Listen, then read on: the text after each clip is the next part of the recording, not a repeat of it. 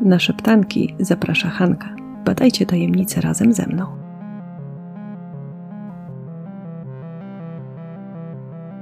Miejscowy koroner Francis Drescher zostaje odnaleziony przez żonę, która właśnie wróciła od rodziny. Wydaje się, że mężczyzna sam odebrał sobie życie, ale gdy wieść o tym się rozchodzi, w hrabstwie Owen dosłownie zaczyna wrzeć. Czy podejrzenia, które od pewnego czasu dręczyły mieszkańców, miałyby okazać się jednak trafne? Byłoby naprawdę nieprawdopodobne, gdyby z powodu, o jakim myśleli, koroner stracił życie.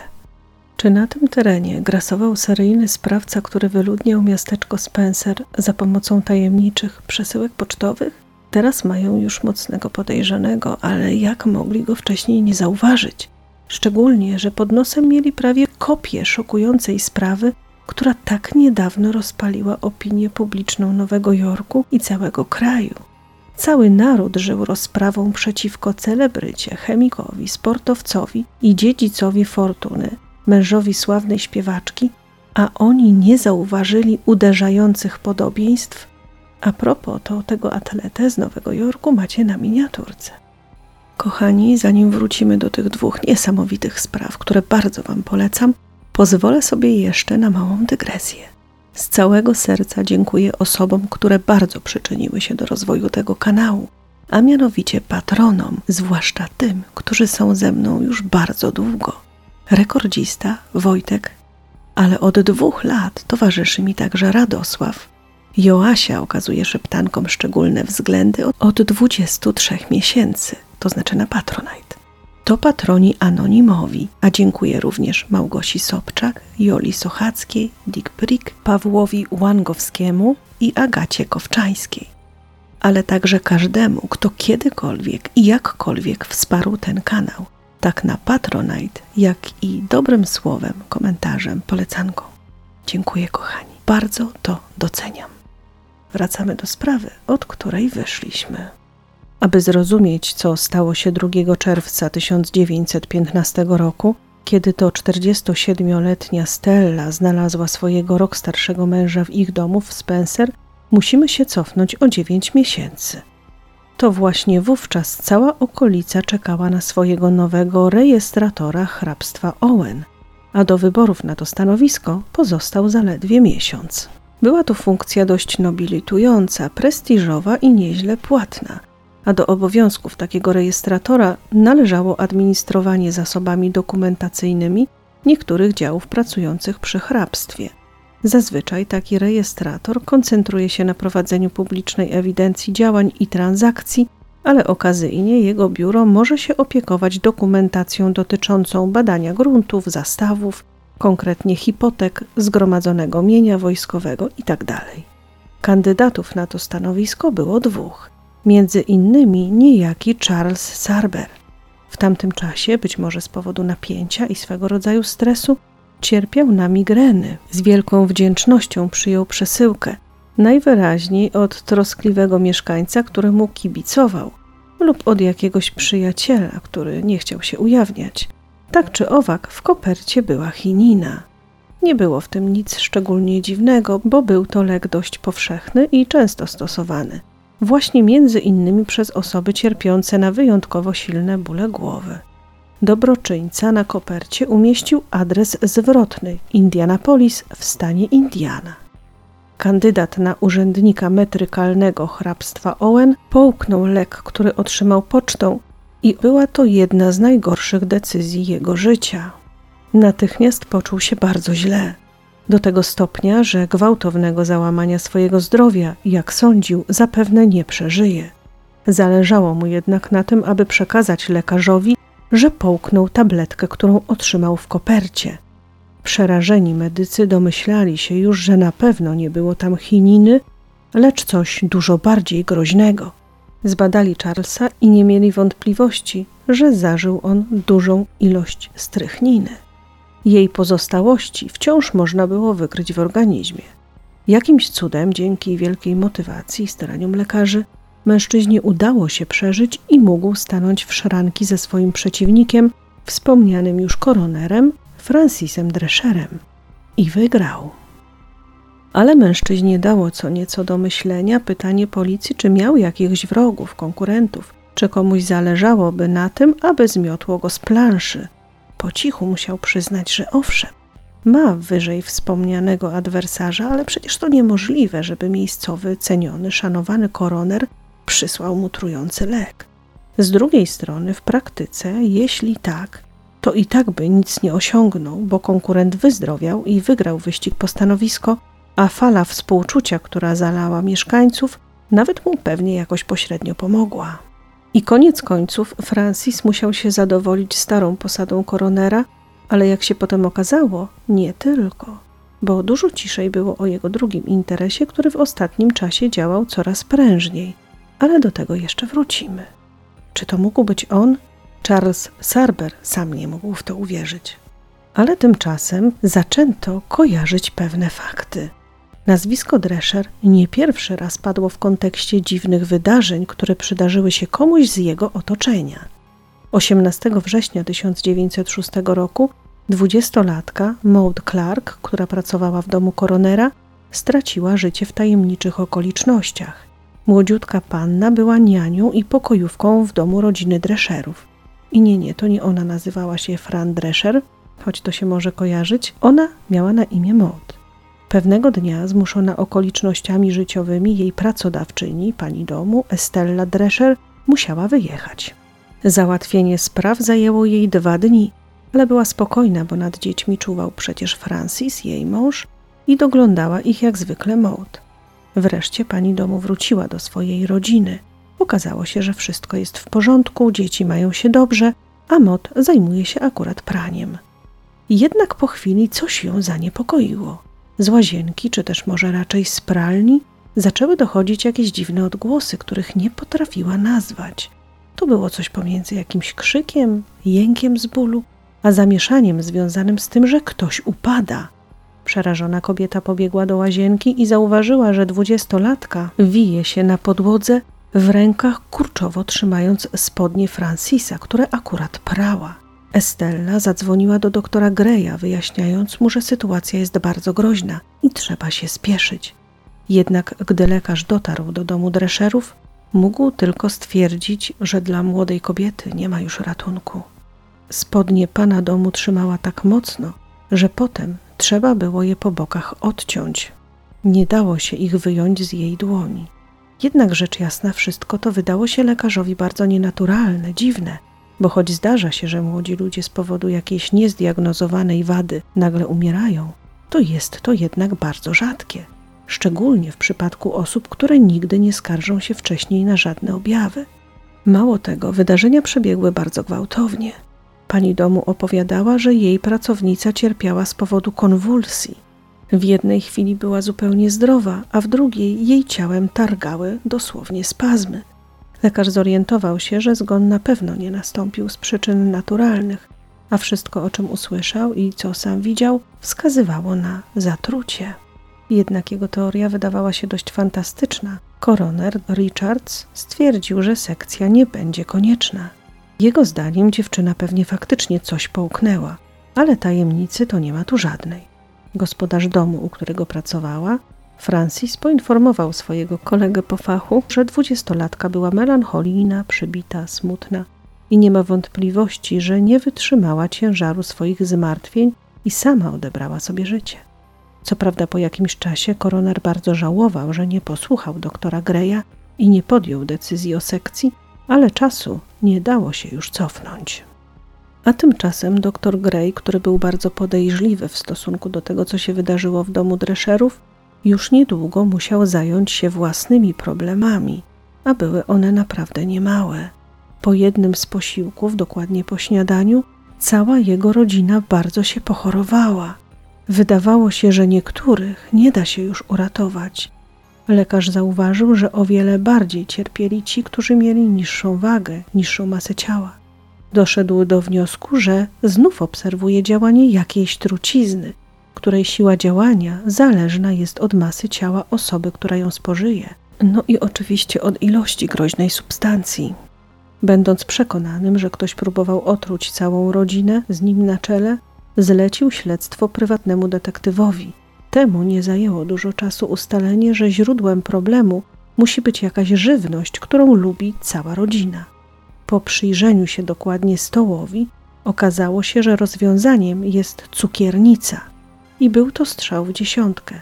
Wszyscy słodzili i właśnie z cukrem zmieszano pokaźne ilości strychniny. Ktoś musiał się dobrać do dostaw żywności dostarczanych do domu Greja. Do kolejnego elektryzującego całe miasto wydarzenia doszło w 1911 roku, kiedy to nagle rozchorował się skarbnik hrabstwa Owen, pan Richards. To nazwisko pojawia się już drugi raz, ale to dwaj inni panowie. Z czasem wyszło na jaw, że został podtruty strychniną i gdy zastanawiał się, komu mógł zawinić, doszedł do wniosku, że jedyną osobą, która czuła się przez niego jakby osaczona, był Drescher, koroner, który był winien miastu pieniądze. Łatwo było dodać dwa do dwóch, bo zatrucie wystąpiło zaraz po tym, gdy Richards wysłał urzędnika do domu Drescherów po pieniądze. Mężczyzna miał jednak szczęście i z czasem doszedł do pełni zdrowia, co nie znaczyło, że to był koniec zatrważających wydarzeń w tym mieście i w hrabstwie. W czerwcu 1912 roku niejaki Frank Mason ciężko zachorował i trafił do Odd Fellows, gdzie się nim zajęto. To Odd Fellows to coś w rodzaju loży, która kieruje się hasłem przyjaźń, miłość i prawda. Hołduje też zasadzie braterstwa ludzi i poszanowania porządku prawnego państwa. W praktyce realizuje te zasady, na przykład podejmując różnego typu działalność charytatywną. Wspiera chorych, ideę dożywiania dzieci, różnego typu akcje dotyczące zbiórek na sprzęt medyczny czy też badania kliniczne, akcje opieki nad chorymi. I właśnie z Odd współpracował wówczas nasz koroner Francis Drescher, który bardzo chętnie pomagał również w opiece nad Frankiem. Ale stan chorego, zamiast się poprawiać, gwałtownie się pogarszał, wobec czego po raz kolejny już wezwano doktora Greya, którego znamy. Oczom lekarza ukazał się zdumiewający widok. Frank, który nigdy nie cierpiał na żadne choroby neurologiczne, a już na pewno padaczkę, ewidentnie miał napad tego rodzaju. Zdołał jednak wyszeptać, że ktoś go otruł. Ostatnie słowa, które udało się zrozumieć lekarzowi, brzmiały: Jestem otruty, doktorku, wyciągnij to ze mnie. Doktor Gray po raz kolejny alarmował, że zgon nie miał nic wspólnego z naturalnym, ale znów przegrał, bo koronerem, który zajmował się sprawą, był Francis, a ten orzekł, iż podopieczny od Fellows sam zdecydował o swoim losie. Całe miasto było już przerażone, ale jednocześnie nikt nie był pewien, co tu się właściwie dzieje. Czy to tylko przypadki, czy może jest ktoś, kto stoi za tym wszystkim? Już w grudniu 1912 roku Fatum uderzyło po raz kolejny. Tym razem młoda dziewczyna Alice McHenry cierpiała z powodu bardzo silnych bólów głowy. Miała już serdecznie dosyć migreny, a świetnie się złożyło, bo jej babcia akurat tego dnia, jeszcze nim dziewczynka wróciła ze szkoły, otrzymała pocztą tabletkę chininy, którą uznała za próbkę marketingową. Dziewczyna z wdzięcznością przyjęła medykament. Trzydzieści minut później wiła się w konwulsjach na podłodze, a dwadzieścia minut później nie było jej już wśród żywych. Lekarz, który przybył na miejsce, zasugerował się bardzo silnym bólem głowy dziewczyny, na który skarżyła się przed atakiem drgawek. Uznał więc, że musiało dojść do pęknięcia tętniaka w mózgu i była to śmierć naturalna w następstwie choroby naczyń. Z perspektywy czasu wyjątkowo przerażająco brzmiały też inne opowieści o dziwnych wydarzeniach w mieście. W 1913 roku, kiedy Francis kręcił się w pobliżu sklepu z artykułami żelaznymi, Wszedł do tego przybytku komiwojażer niejaki Jones. Nie zdążył jednak niczego kupić. Gwałtownie dawał znak, że czuje się bardzo źle. Wymownie patrzył, machał rękami, jakby chcąc się ratować, ale wkrótce nie był już w stanie zapanować nad ciałem. Upadł i niebawem można było tylko stwierdzić, że oto nastąpił koniec jego życia. Bardzo praktyczny zbieg okoliczności polegał na tym, że, jak już wspomniałam, koroner był tuż obok więc momentalnie zaopiekował się ciałem, a w odpowiednie rubryki w dokumentach wpisał rzekomi wojażer odszedł z powodu niewydolności serca. Rodzina jednak była w szoku. Nigdy nie narzekał na serce. W 1914 roku coraz więcej osób zaczęło sobie uświadamiać, że człowiekiem, który łączy wiele z tych zdarzeń, jest właśnie Francis. A mieszkańców w tym mniemaniu upewniła niejaka pani Strauss, która opowiadała sąsiadom o tym, że w jej życiu dzieje się wiele bardzo dziwnych rzeczy, a elementem wspólnym jest koroner. Na przykład straciła męża bardzo gwałtownie, nagle. Jego stan zdrowia załamał się w jednej chwili i już wtedy podejrzewała, że coś tu jest nie tak. Zgodziła się, aby pogrzeb poprowadził Francis, który był, uwaga, także przedsiębiorcą pogrzebowym. Oczywiście nie z tej profesji był wówczas skojarzony. Koroner był tym zawodem bardziej prestiżowym, ale jednak powoli zaczęto sobie zdawać sprawę, że przecież prowadzi również zakład pogrzebowy.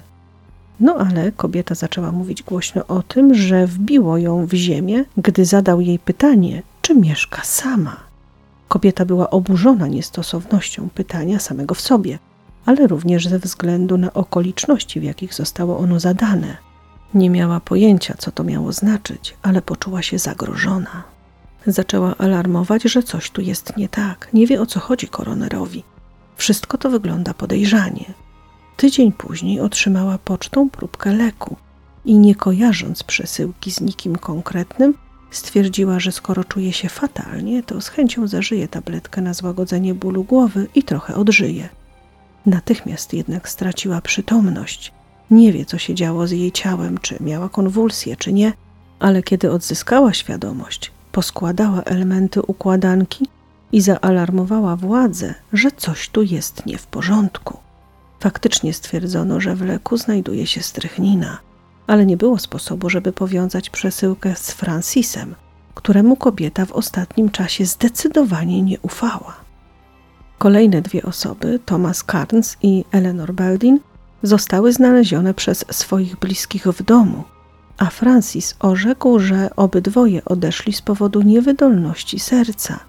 Lekarze rodzinni tych ludzi, którzy wzajemnie się oczywiście nie znali, doszli do wniosku, że nigdy nie mieli żadnych problemów z sercem i to orzeczenie koronera nie ma żadnego sensu. Podobnie jak identyczna diagnoza postawiona przez Francisa w przypadku Jacoba Harrisa, którego znalazła córka w marcu 1914 roku.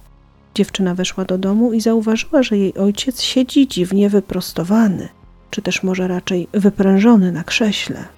Gdy podeszła bliżej, zauważyła, że z jego ust cieknie jakby biała piana. Nie musiała długo czekać na koronera, który był gdzieś obok i natychmiast orzekł wadę serca. Ot, dała o sobie znać. Dziewczyna była w szoku. Ojciec był okazem zdrowia i nie narzekał na serce. Osób, które w tych okolicach zmarły z powodu rzekomego ataku serca, było coraz więcej. Na tyle dużo, że w końcu rodziny m.in. Raymonda Linda, Jamesa Gossa, Jacoba Goshorna i George'a Scotta doszły do wniosku, że warto byłoby sprawdzić, co się dzieje. Niestety jednak bardzo szybko okazało się, że Francis postarał się o zabalsamowanie ciał, które to uniemożliwiło odnalezienie śladów jakichkolwiek substancji znajdujących się w organizmach. Jednak w mieście już huczało. Zaczęto łączyć te wszystkie sprawy i coraz głośniej padało nazwisko koronera, który najprawdopodobniej wyprawiał swoich wrogów i sąsiadów na tamten świat, a tych drugich po to, by zapewnić sobie pracę i regularne dochody. Dopóki ludzie odchodzą, koroner jest niezbędny, a jego praca ważna i nieodzowna. O zakładzie pogrzebowym już nawet nie mówiąc. Kiedy wieczorem 2 czerwca 1915 roku Estella znalazła swojego męża bez życia w domu, wszystko dla mieszkańców stało się jasne. Mężczyzna leżał w bibliotece twarzą w dół, a kiedy spadał z krzesła, mebel przewrócił się na niego i ostatecznie go przygniótł. Na małym stoliku obok znaleziono tajemniczy list pożegnalny o treści: Zjadłem rzodkiewkę, moje serce pękło. Mężczyzna losów swojego ciała nie pozostawił przypadkowi. W liściku zawarł wskazówki dotyczące tego, że ma się nim zająć wyznaczony przez niego koroner z Indianapolis i długoletni przyjaciel, pan Ragsdale. Choć wydaje się, że był to bezwzględny sprawca seryjny, który nie oszczędzał nikogo, atakował starszych, młodszych czy ludzi w kwiecie wieku, postarał się, aby ochronić od traumy przynajmniej swoje dzieci.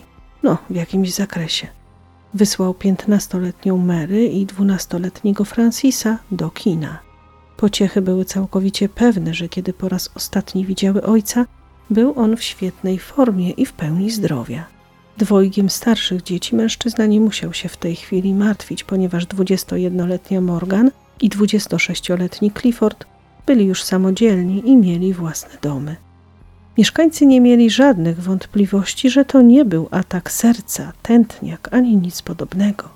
Francis podzielił losy swoich ofiar, zażywając strychninę, białą, bezwonną, gorzką, ale szybko działającą truciznę. Nie mógł dłużej wytrzymać z tym, co robił. Wreszcie zadręczyły go wyrzuty sumienia i strach, że wszystko wyjdzie na jaw. Musiał słyszeć plotki i czuć na sobie podejrzliwe spojrzenia.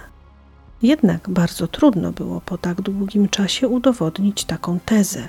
Wymagałoby to zebrania mnóstwa dowodów i dostępu do ciał. W zasadzie było to niemożliwe. Ciała były skremowane, albo od zgonu minęło wiele czasu i wiadomo było, że przy ówczesnym stanie rozwoju nauki trudno byłoby stwierdzić coś konkretnego. Przede wszystkim jednak nie było dowodów wiążących go z tajemniczymi przesyłkami. Tymczasem żona mężczyzny forsowała tezę, że ostatnio czuł się źle. Bolało go serce i najwyraźniej odszedł nagle z powodu niewydolności tego organu. Oficjalnie w dokumentach zapisano, że mężczyzna sam odebrał sobie życie, więc zaprzyjaźnionego koronera nie przekonała.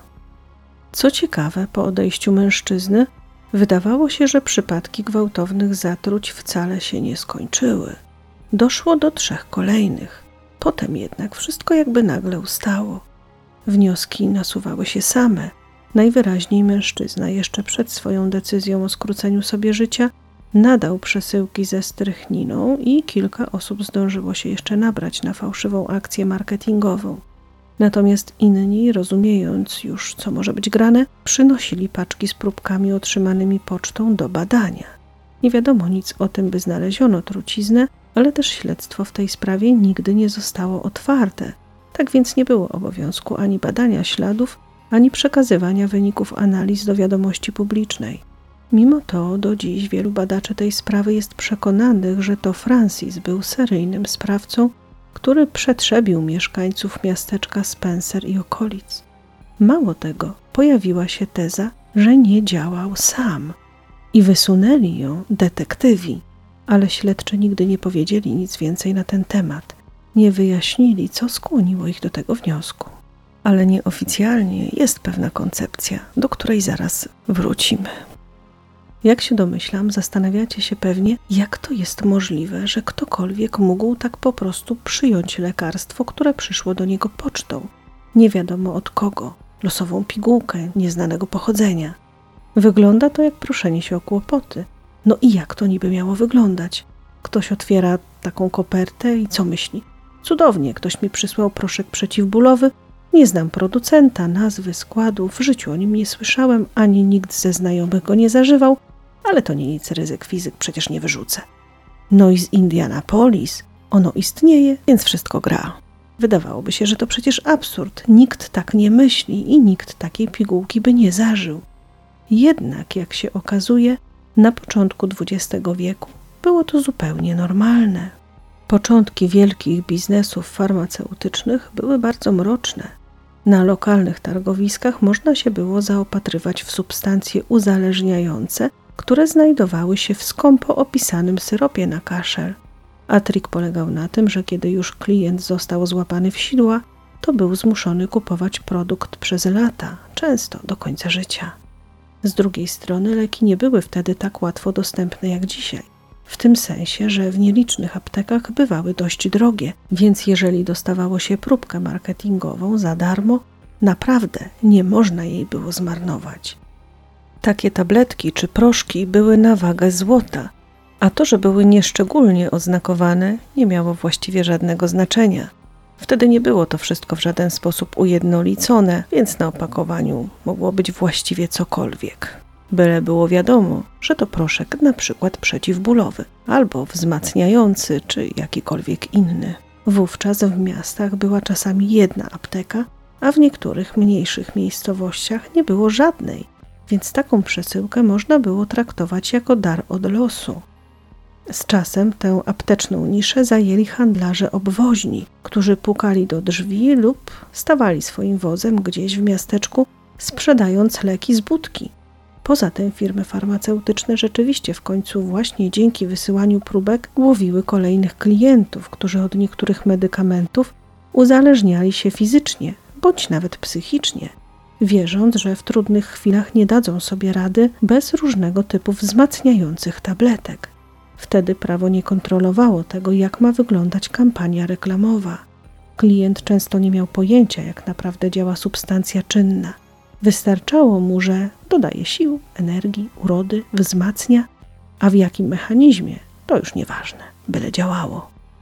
Myślę, że możecie się też zastanawiać, co miało znaczyć, że zjadł rzodkiewkę i pękło mu serce, bo tak napisał w swoim liście pożegnalnym. I sęk w tym, że do dziś jest to jedna z największych tajemnic tej sprawy. I niektórzy spekulują, że to właśnie ten tajny kot dał policji podstawy, by spekulować, że mężczyzna nie działał sam. Podejrzewano, że najprawdopodobniej mogli razem z żoną zatruwać nie tylko tabletki, ale również na przykład warzywa czy inną żywność, którą dostarczali potem za czyimś pośrednictwem do domów swoich ofiar. Żona wiedziałaby doskonale, co w takim kontekście mogło oznaczać zjadłem rzodkiewkę i serce mi pękło. Wydaje się, że zapewnienie sobie stałego strumienia zleceń nie było jedynym powodem działalności Francisa i być może jego żony. Od razu rzuca się w oczy, że kierowały nim także motywy osobiste. Przecież początkowo ginęły osoby, które jakoś mu przeszkadzały lub czymś się naraziły. Wiadomo, rywal w wyborach, tu nic nie trzeba tłumaczyć. Ale niania? Motyw nasuwa się sam, potencjalny oczywiście. Coś wiedziała, widziała lub mogła o czymś elektryzującym powiedzieć pani. Na przykład mogło chodzić o to, co się wydarzyło podczas jej nieobecności. Warto było ją uciszyć. Francis widzi, że idzie doskonale, nikt niczego nie podejrzewa, a przecież wybory przegrane, nie będzie nowego stanowiska, podwyżki, prestiżu. Trzeba zadbać o rodzinę. Interes musi się kręcić. Koroner ma być nieodzowny, a warto też zarobić jako przedsiębiorca pogrzebowy. Czas więc działać. Wydawało się to proste i bezpieczne. Nikt nic nie zauważy. Ale właśnie, jak to mogło się udać? Ludzie padali jak muchy, a jednak wciąż wsuwali tabletki czy jedli żywnościowe prezenty. Trzeba jednak pamiętać, że wtedy nie było systemów komputerowych w różnego typu urzędach, w których ktoś wyhaczyłby, że statystyki dotyczące zgonów na tym terenie są szokujące. A dodatkowo, jeśli winnym faktycznie byłby koroner, to on sam wpisywał przecież przyczynę zgonów. Zawały serca czy udary mózgu po prostu się zdarzają. Nie było wtedy aż tak wiele mediów, no przede wszystkim internetu, w którym można odnaleźć prawie każdą informację. Trudno więc było sprawdzić, jak jest na przykład gdzie indziej, ile tam jest takich zgonów. Zanim więc ludzie zaczęliby kojarzyć fakty, nim uderzyłoby ich, że kilka lat wcześniej tylu pogrzebów nie było, musiałoby minąć o wiele za dużo czasu, by powstrzymać to prawie na samym początku. Ponadto nawet dziś sytuacja nie jest taka prosta, bo choć wiadomo już, że o naturalności tych zgonów nie może być mowy, to wciąż można spekulować dalej, a może to jednak żona. Trucizna w końcu jest bronią kobiet. Niania zginęła wtedy, gdy pani domu wróciła po dłuższej nieobecności. Czy chory umysł żony mógł w trakcie wyjazdu tworzyć scenariusze o tym, co dzieje się w domu, co robi jej mąż?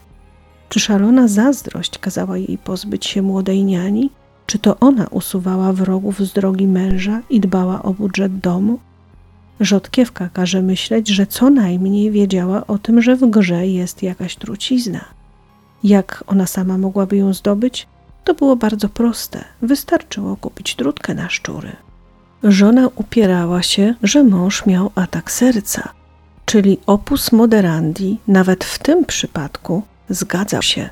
Wszystko wydarzyło się jak zwykle, choć Francisa już nie było. Czemu sprawą miał zająć się zaprzyjaźniony koroner?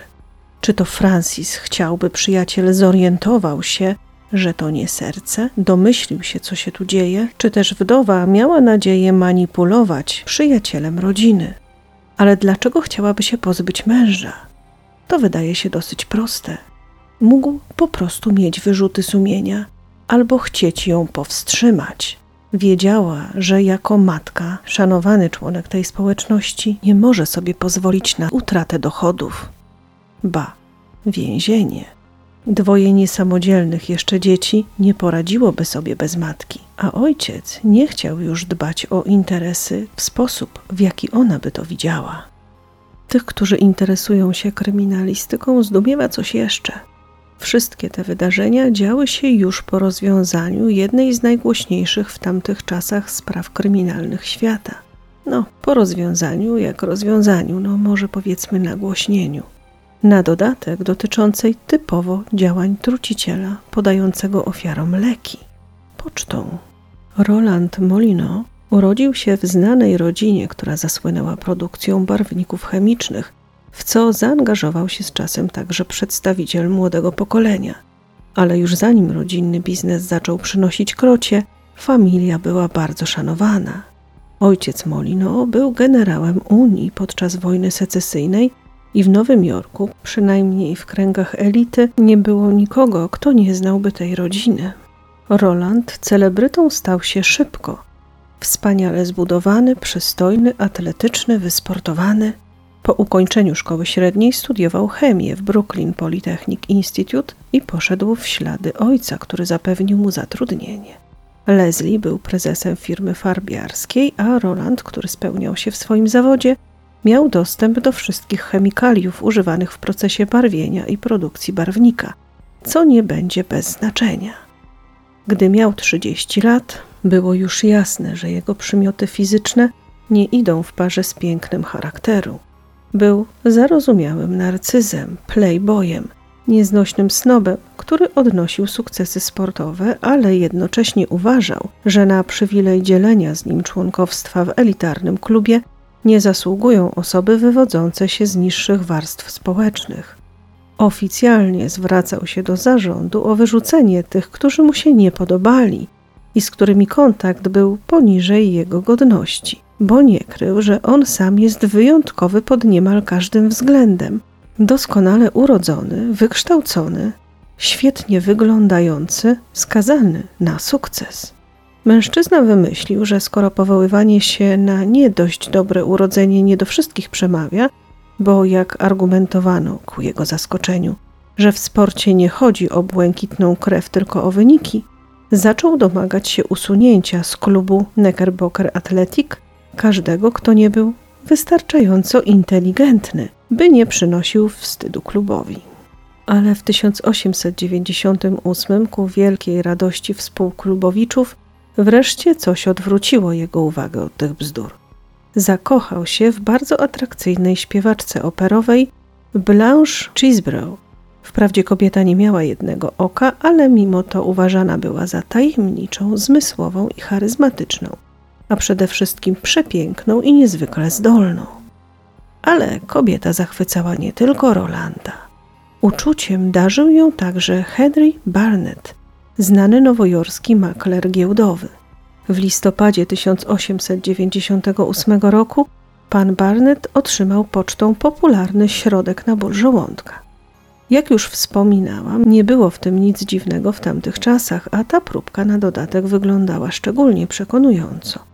Na opakowaniu był nawet producent, to znaczy nazwa firmy, a nawet skład leku. Wierząc, że to zwykła, wiarygodna, bezpłatna próbka, Obdarowany nią mężczyzna zażył proszek. Bardzo szybko poczuł się okropnie. Wił się z bólu, upadł i zmarł. Dokładnie 10 listopada. Ku zdumieniu rodziny, bliskich, przyjaciół, którym co prawda uskarżał się na bóle żołądka, ale jak dotąd w ich otoczeniu nikt przecież na to nie zmarł. Była to przecież zwykła niestrawność. Koroner, a potem lekarz uznali, że winna była astenia serca wywołana błonicą. Astenia to inaczej po prostu słabość, a błonica to choroba zakaźna, bakteryjna. Była tylko jedna osoba, która szalała ze szczęścia na te wieści. Świętował zakochany Molino, który teraz nie odstępował śpiewaczki na krok. Uwodził, obiecywał, nadskakiwał, a kobieta, wierząc, że nie ma szans, aby kiedykolwiek trafiła na lepszą partię, piękniejszego i bogatszego mężczyznę, już trzy tygodnie później, 29 listopada, została jego żoną. Ale szczęście nie trzymało się chemika i sportowca zbyt długo. Już w kwietniu 1897 roku jego dobrą pasę sportową przerwała przegrana w turnieju podnoszenia ciężarów z Harym Korniszem, który zresztą denerwował Molino o czymś jeszcze. Był uznanym, a przy tym młodym, 35-letnim dyrektorem sportowym Neckerbocker Athletic Club. Nie dość, że szefował elitarnemu klubowi, choć nie pochodził z prominentnej rodziny i był doceniany, to jeszcze startował w dziedzinie, w której błyszczeć mógł tylko Molino, oczywiście zdaniem jego samego. I wcale niekoniecznie dlatego, że był najlepszy, ale na przykład w efekcie tego, że pozbył się konkurencji. No wiadomo, liczy się efekt. Ale najpierw próbował po dobroci. W grudniu Molino robił wszystko, aby Kornisz został usunięty z klubu, ale członkowie zarządu byli zdumieni pomysłem i nieprzejednani. Nie zamierzali reagować na kaprysy zepsutego snoba. Nie wiedzieli jednak, jak groźny w skutkach okaże się ich opór. W Wigilię 1898 roku słynny bromozelcer lek trafił do Kornisza pocztą. Paczka była owinięta papierem i zapieczętowana woskiem. Wewnątrz opakowania, jak podano na procesie, znajdowało się łatwo rozpoznawalne niebieskie pudełko Tiffany'ego. Zawierało srebrny pojemnik. Kornisz przywykł do prezentów, bo dostawał je zwyczajowo na swoim stanowisku w klubie. Rankiem 28 grudnia jego ciotka, która z nim mieszkała, obudziła się z okropnym bólem głowy. Sportowiec był zadowolony, że oto markowa przesyłka od razu się przyda, akurat jest w zasięgu ręki. Jakież było zdumienie Harego, gdy kobieta nagle zaczęła rzucać się po podłodze, zwijać i jęczeć, a w końcu nagle odeszła na zawsze w łazience jego domu. Kornisz wezwał lekarza, ale nie chcąc wyjść na paranoika, sam spróbował bromozelcera, ale odrobinkę wystarczyło. Od razu się rozchorował. Lekarz, usłyszawszy te wszystkie rewelacje, także zrobił test. Wąchając płyn, odkrył, że czuje zapach migdałów. Ten niby lek przeciwbólowy miał też metaliczny smak. Sekcja wykazała, że ciotka Harego istotnie zmarła z powodu zatrucia cyjankiem rtęci. Policja odkryła, że próbka nie pochodziła od firmy farmaceutycznej. Opakowanie i sam proszek były jednym wielkim fałszerstwem. Mało tego, zaczęto szeptać, że to nie pierwszy lek, który nie pomógł, delikatnie mówiąc. Przypomniano sobie historię pana Barneta, który też dostał podobną przesyłkę, a na dodatek obydwaj panowie mieli w swoim otoczeniu tylko jednego wroga tego samego Molino. Wszyscy wiedzieli, że nienawiść do Barneta zrodziła się w bardzo szczególnych okolicznościach. To Molino przedstawił go Blanche, a ta, gdy tylko bliżej poznała kolegę swojego adoratora, natychmiast na jego rzecz odrzuciła zaloty wytrwałego amanta. Ten wściekł się nie na żarty. Stwierdził, że nie odpuści.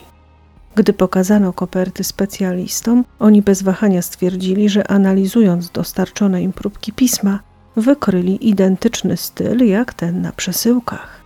Pismo z kopert wykazywało niezwykłe podobieństwo do kaligrafii Molino. Ponadto nie brakowało świadków, którzy nie mieli żadnych wątpliwości, że młody atleta z dobrej rodziny nie znosił obydwu panów, życzył im jak najgorzej i miał oczywiste motywy.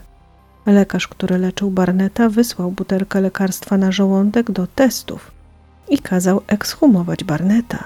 Stało się jasne, że w tym przypadku też doszło do zatrucia cyjankiem. I tak Molino został oskarżony o atak na panią Adams w dniu 27 lutego 1899 roku. Natomiast jeśli chodzi o rywala w miłości, to niestety jego zgon został uznany za naturalny już wcześniej i teraz był z tym pewien problem. Tę sprawę odłożono na później. Ale proces w sprawie pozbawienia życia pani Adams rozpoczął się 14 listopada 1899 roku. Sędziował John Goff. Prokurator James Osborne dysponował poszlakami, co prawda silnymi, ale jednak to wciąż nie były dowody, co bardzo cieszyło adwokatów. Tak bardzo, że nawet nie wysilili się na powołanie swoich świadków. Prokuratura przesłuchała więc własnych, dowodząc, że pismo na listach należało do Molino. Obrona na to. Uważamy, że prokuratura nie ustaliła zarzutów. Odpieramy te, które wymienili właśnie na tej podstawie. Nie ma żadnych dowodów.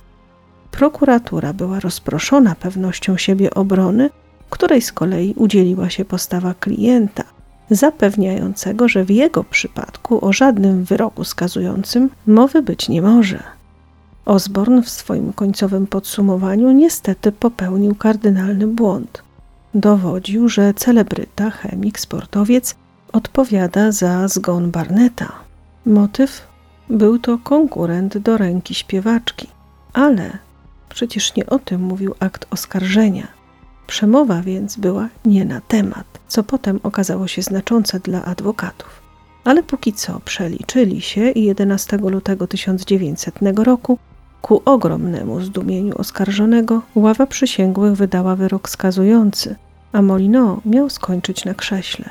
Adwokaci złożyli apelację, a poszło łatwo, bo błędów prokuratury parę było, w tym ten dotyczący tego, za co właściwie w tym momencie sądzony był oskarżony.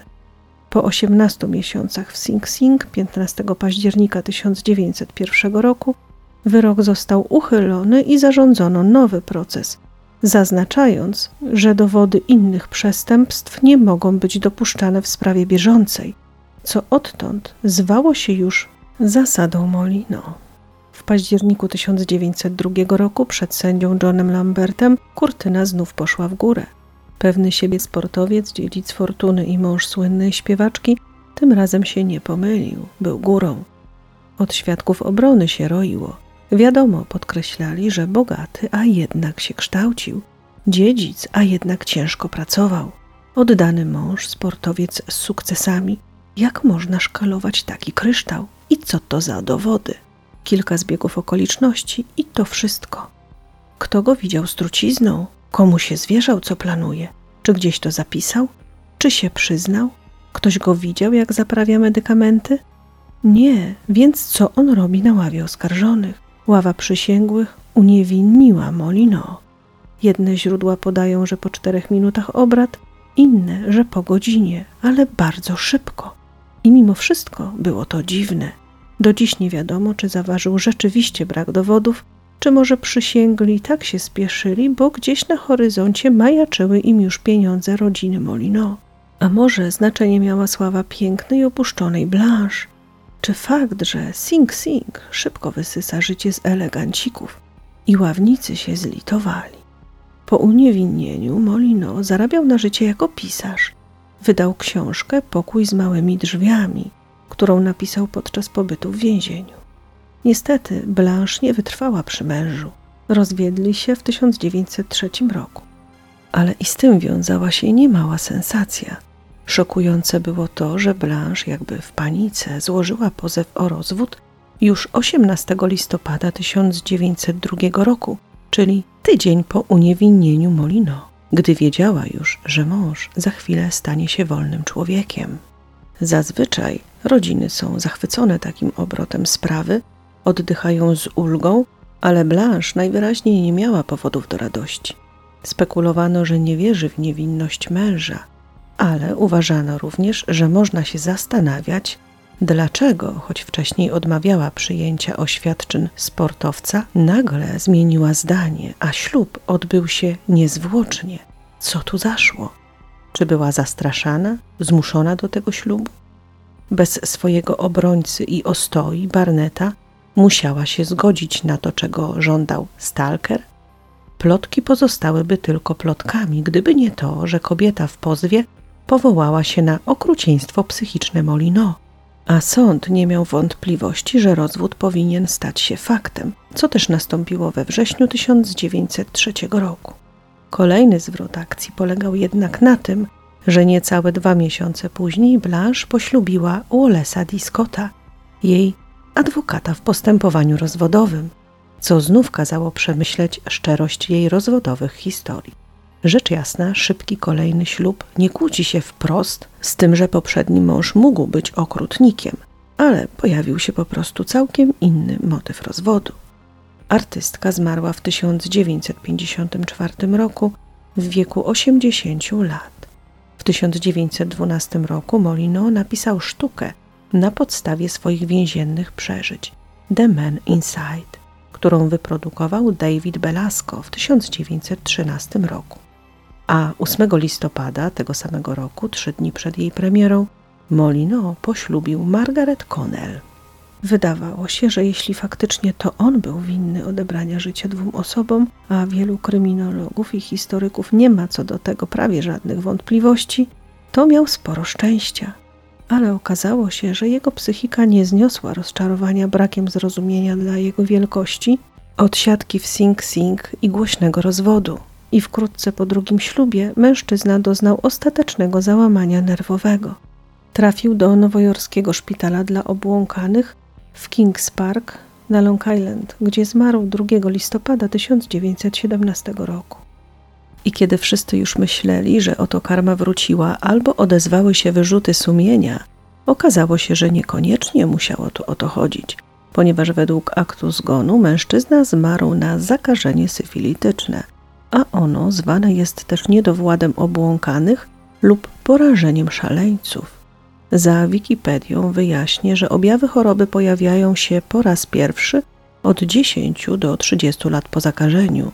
Chory najpierw odczuwa zmęczenie, bóle głowy, bezsenność, świat wiruje mu przed oczami, ale w miarę postępu choroby dochodzi do znacznego pogorszenia się stanu psychicznego i zmian osobowości. Typowe objawy to utrata zahamowań społecznych, zachowania aspołeczne, stopniowe upośledzenie oceny sytuacji, koncentracji i pamięci, euforia, mania, depresja lub apatia. Mogą stać się zauważalne delikatne dreszcze i drobne wady wymowy. Tak więc problemy psychiczne Molino wcale nie musiały mieć nic wspólnego z sumieniem, ale z zupełnie innym problemem.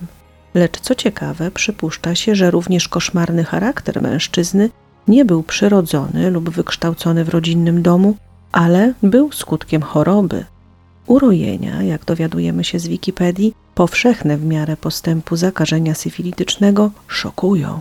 Obejmują ideę, wizję wielkiego bogactwa, nieśmiertelności, tysięcy kochanków, niezgłębionej wiedzy, apokalipsy, nihilizmu, samoobwiniania się lub dziwacznych hipochondrycznych skarg. Pacjent doświadcza drgawek, splątania, nie działają mu normalnie mięśnie. Choroba go wyniszcza aż do ostatecznego końca, którego nadejścia zwykle już nawet nie rozumie. Czy mania wielkości, snobizm, nieracjonalne wymagania wobec świata i nierealistyczny obraz samego siebie były więc skutkiem choroby?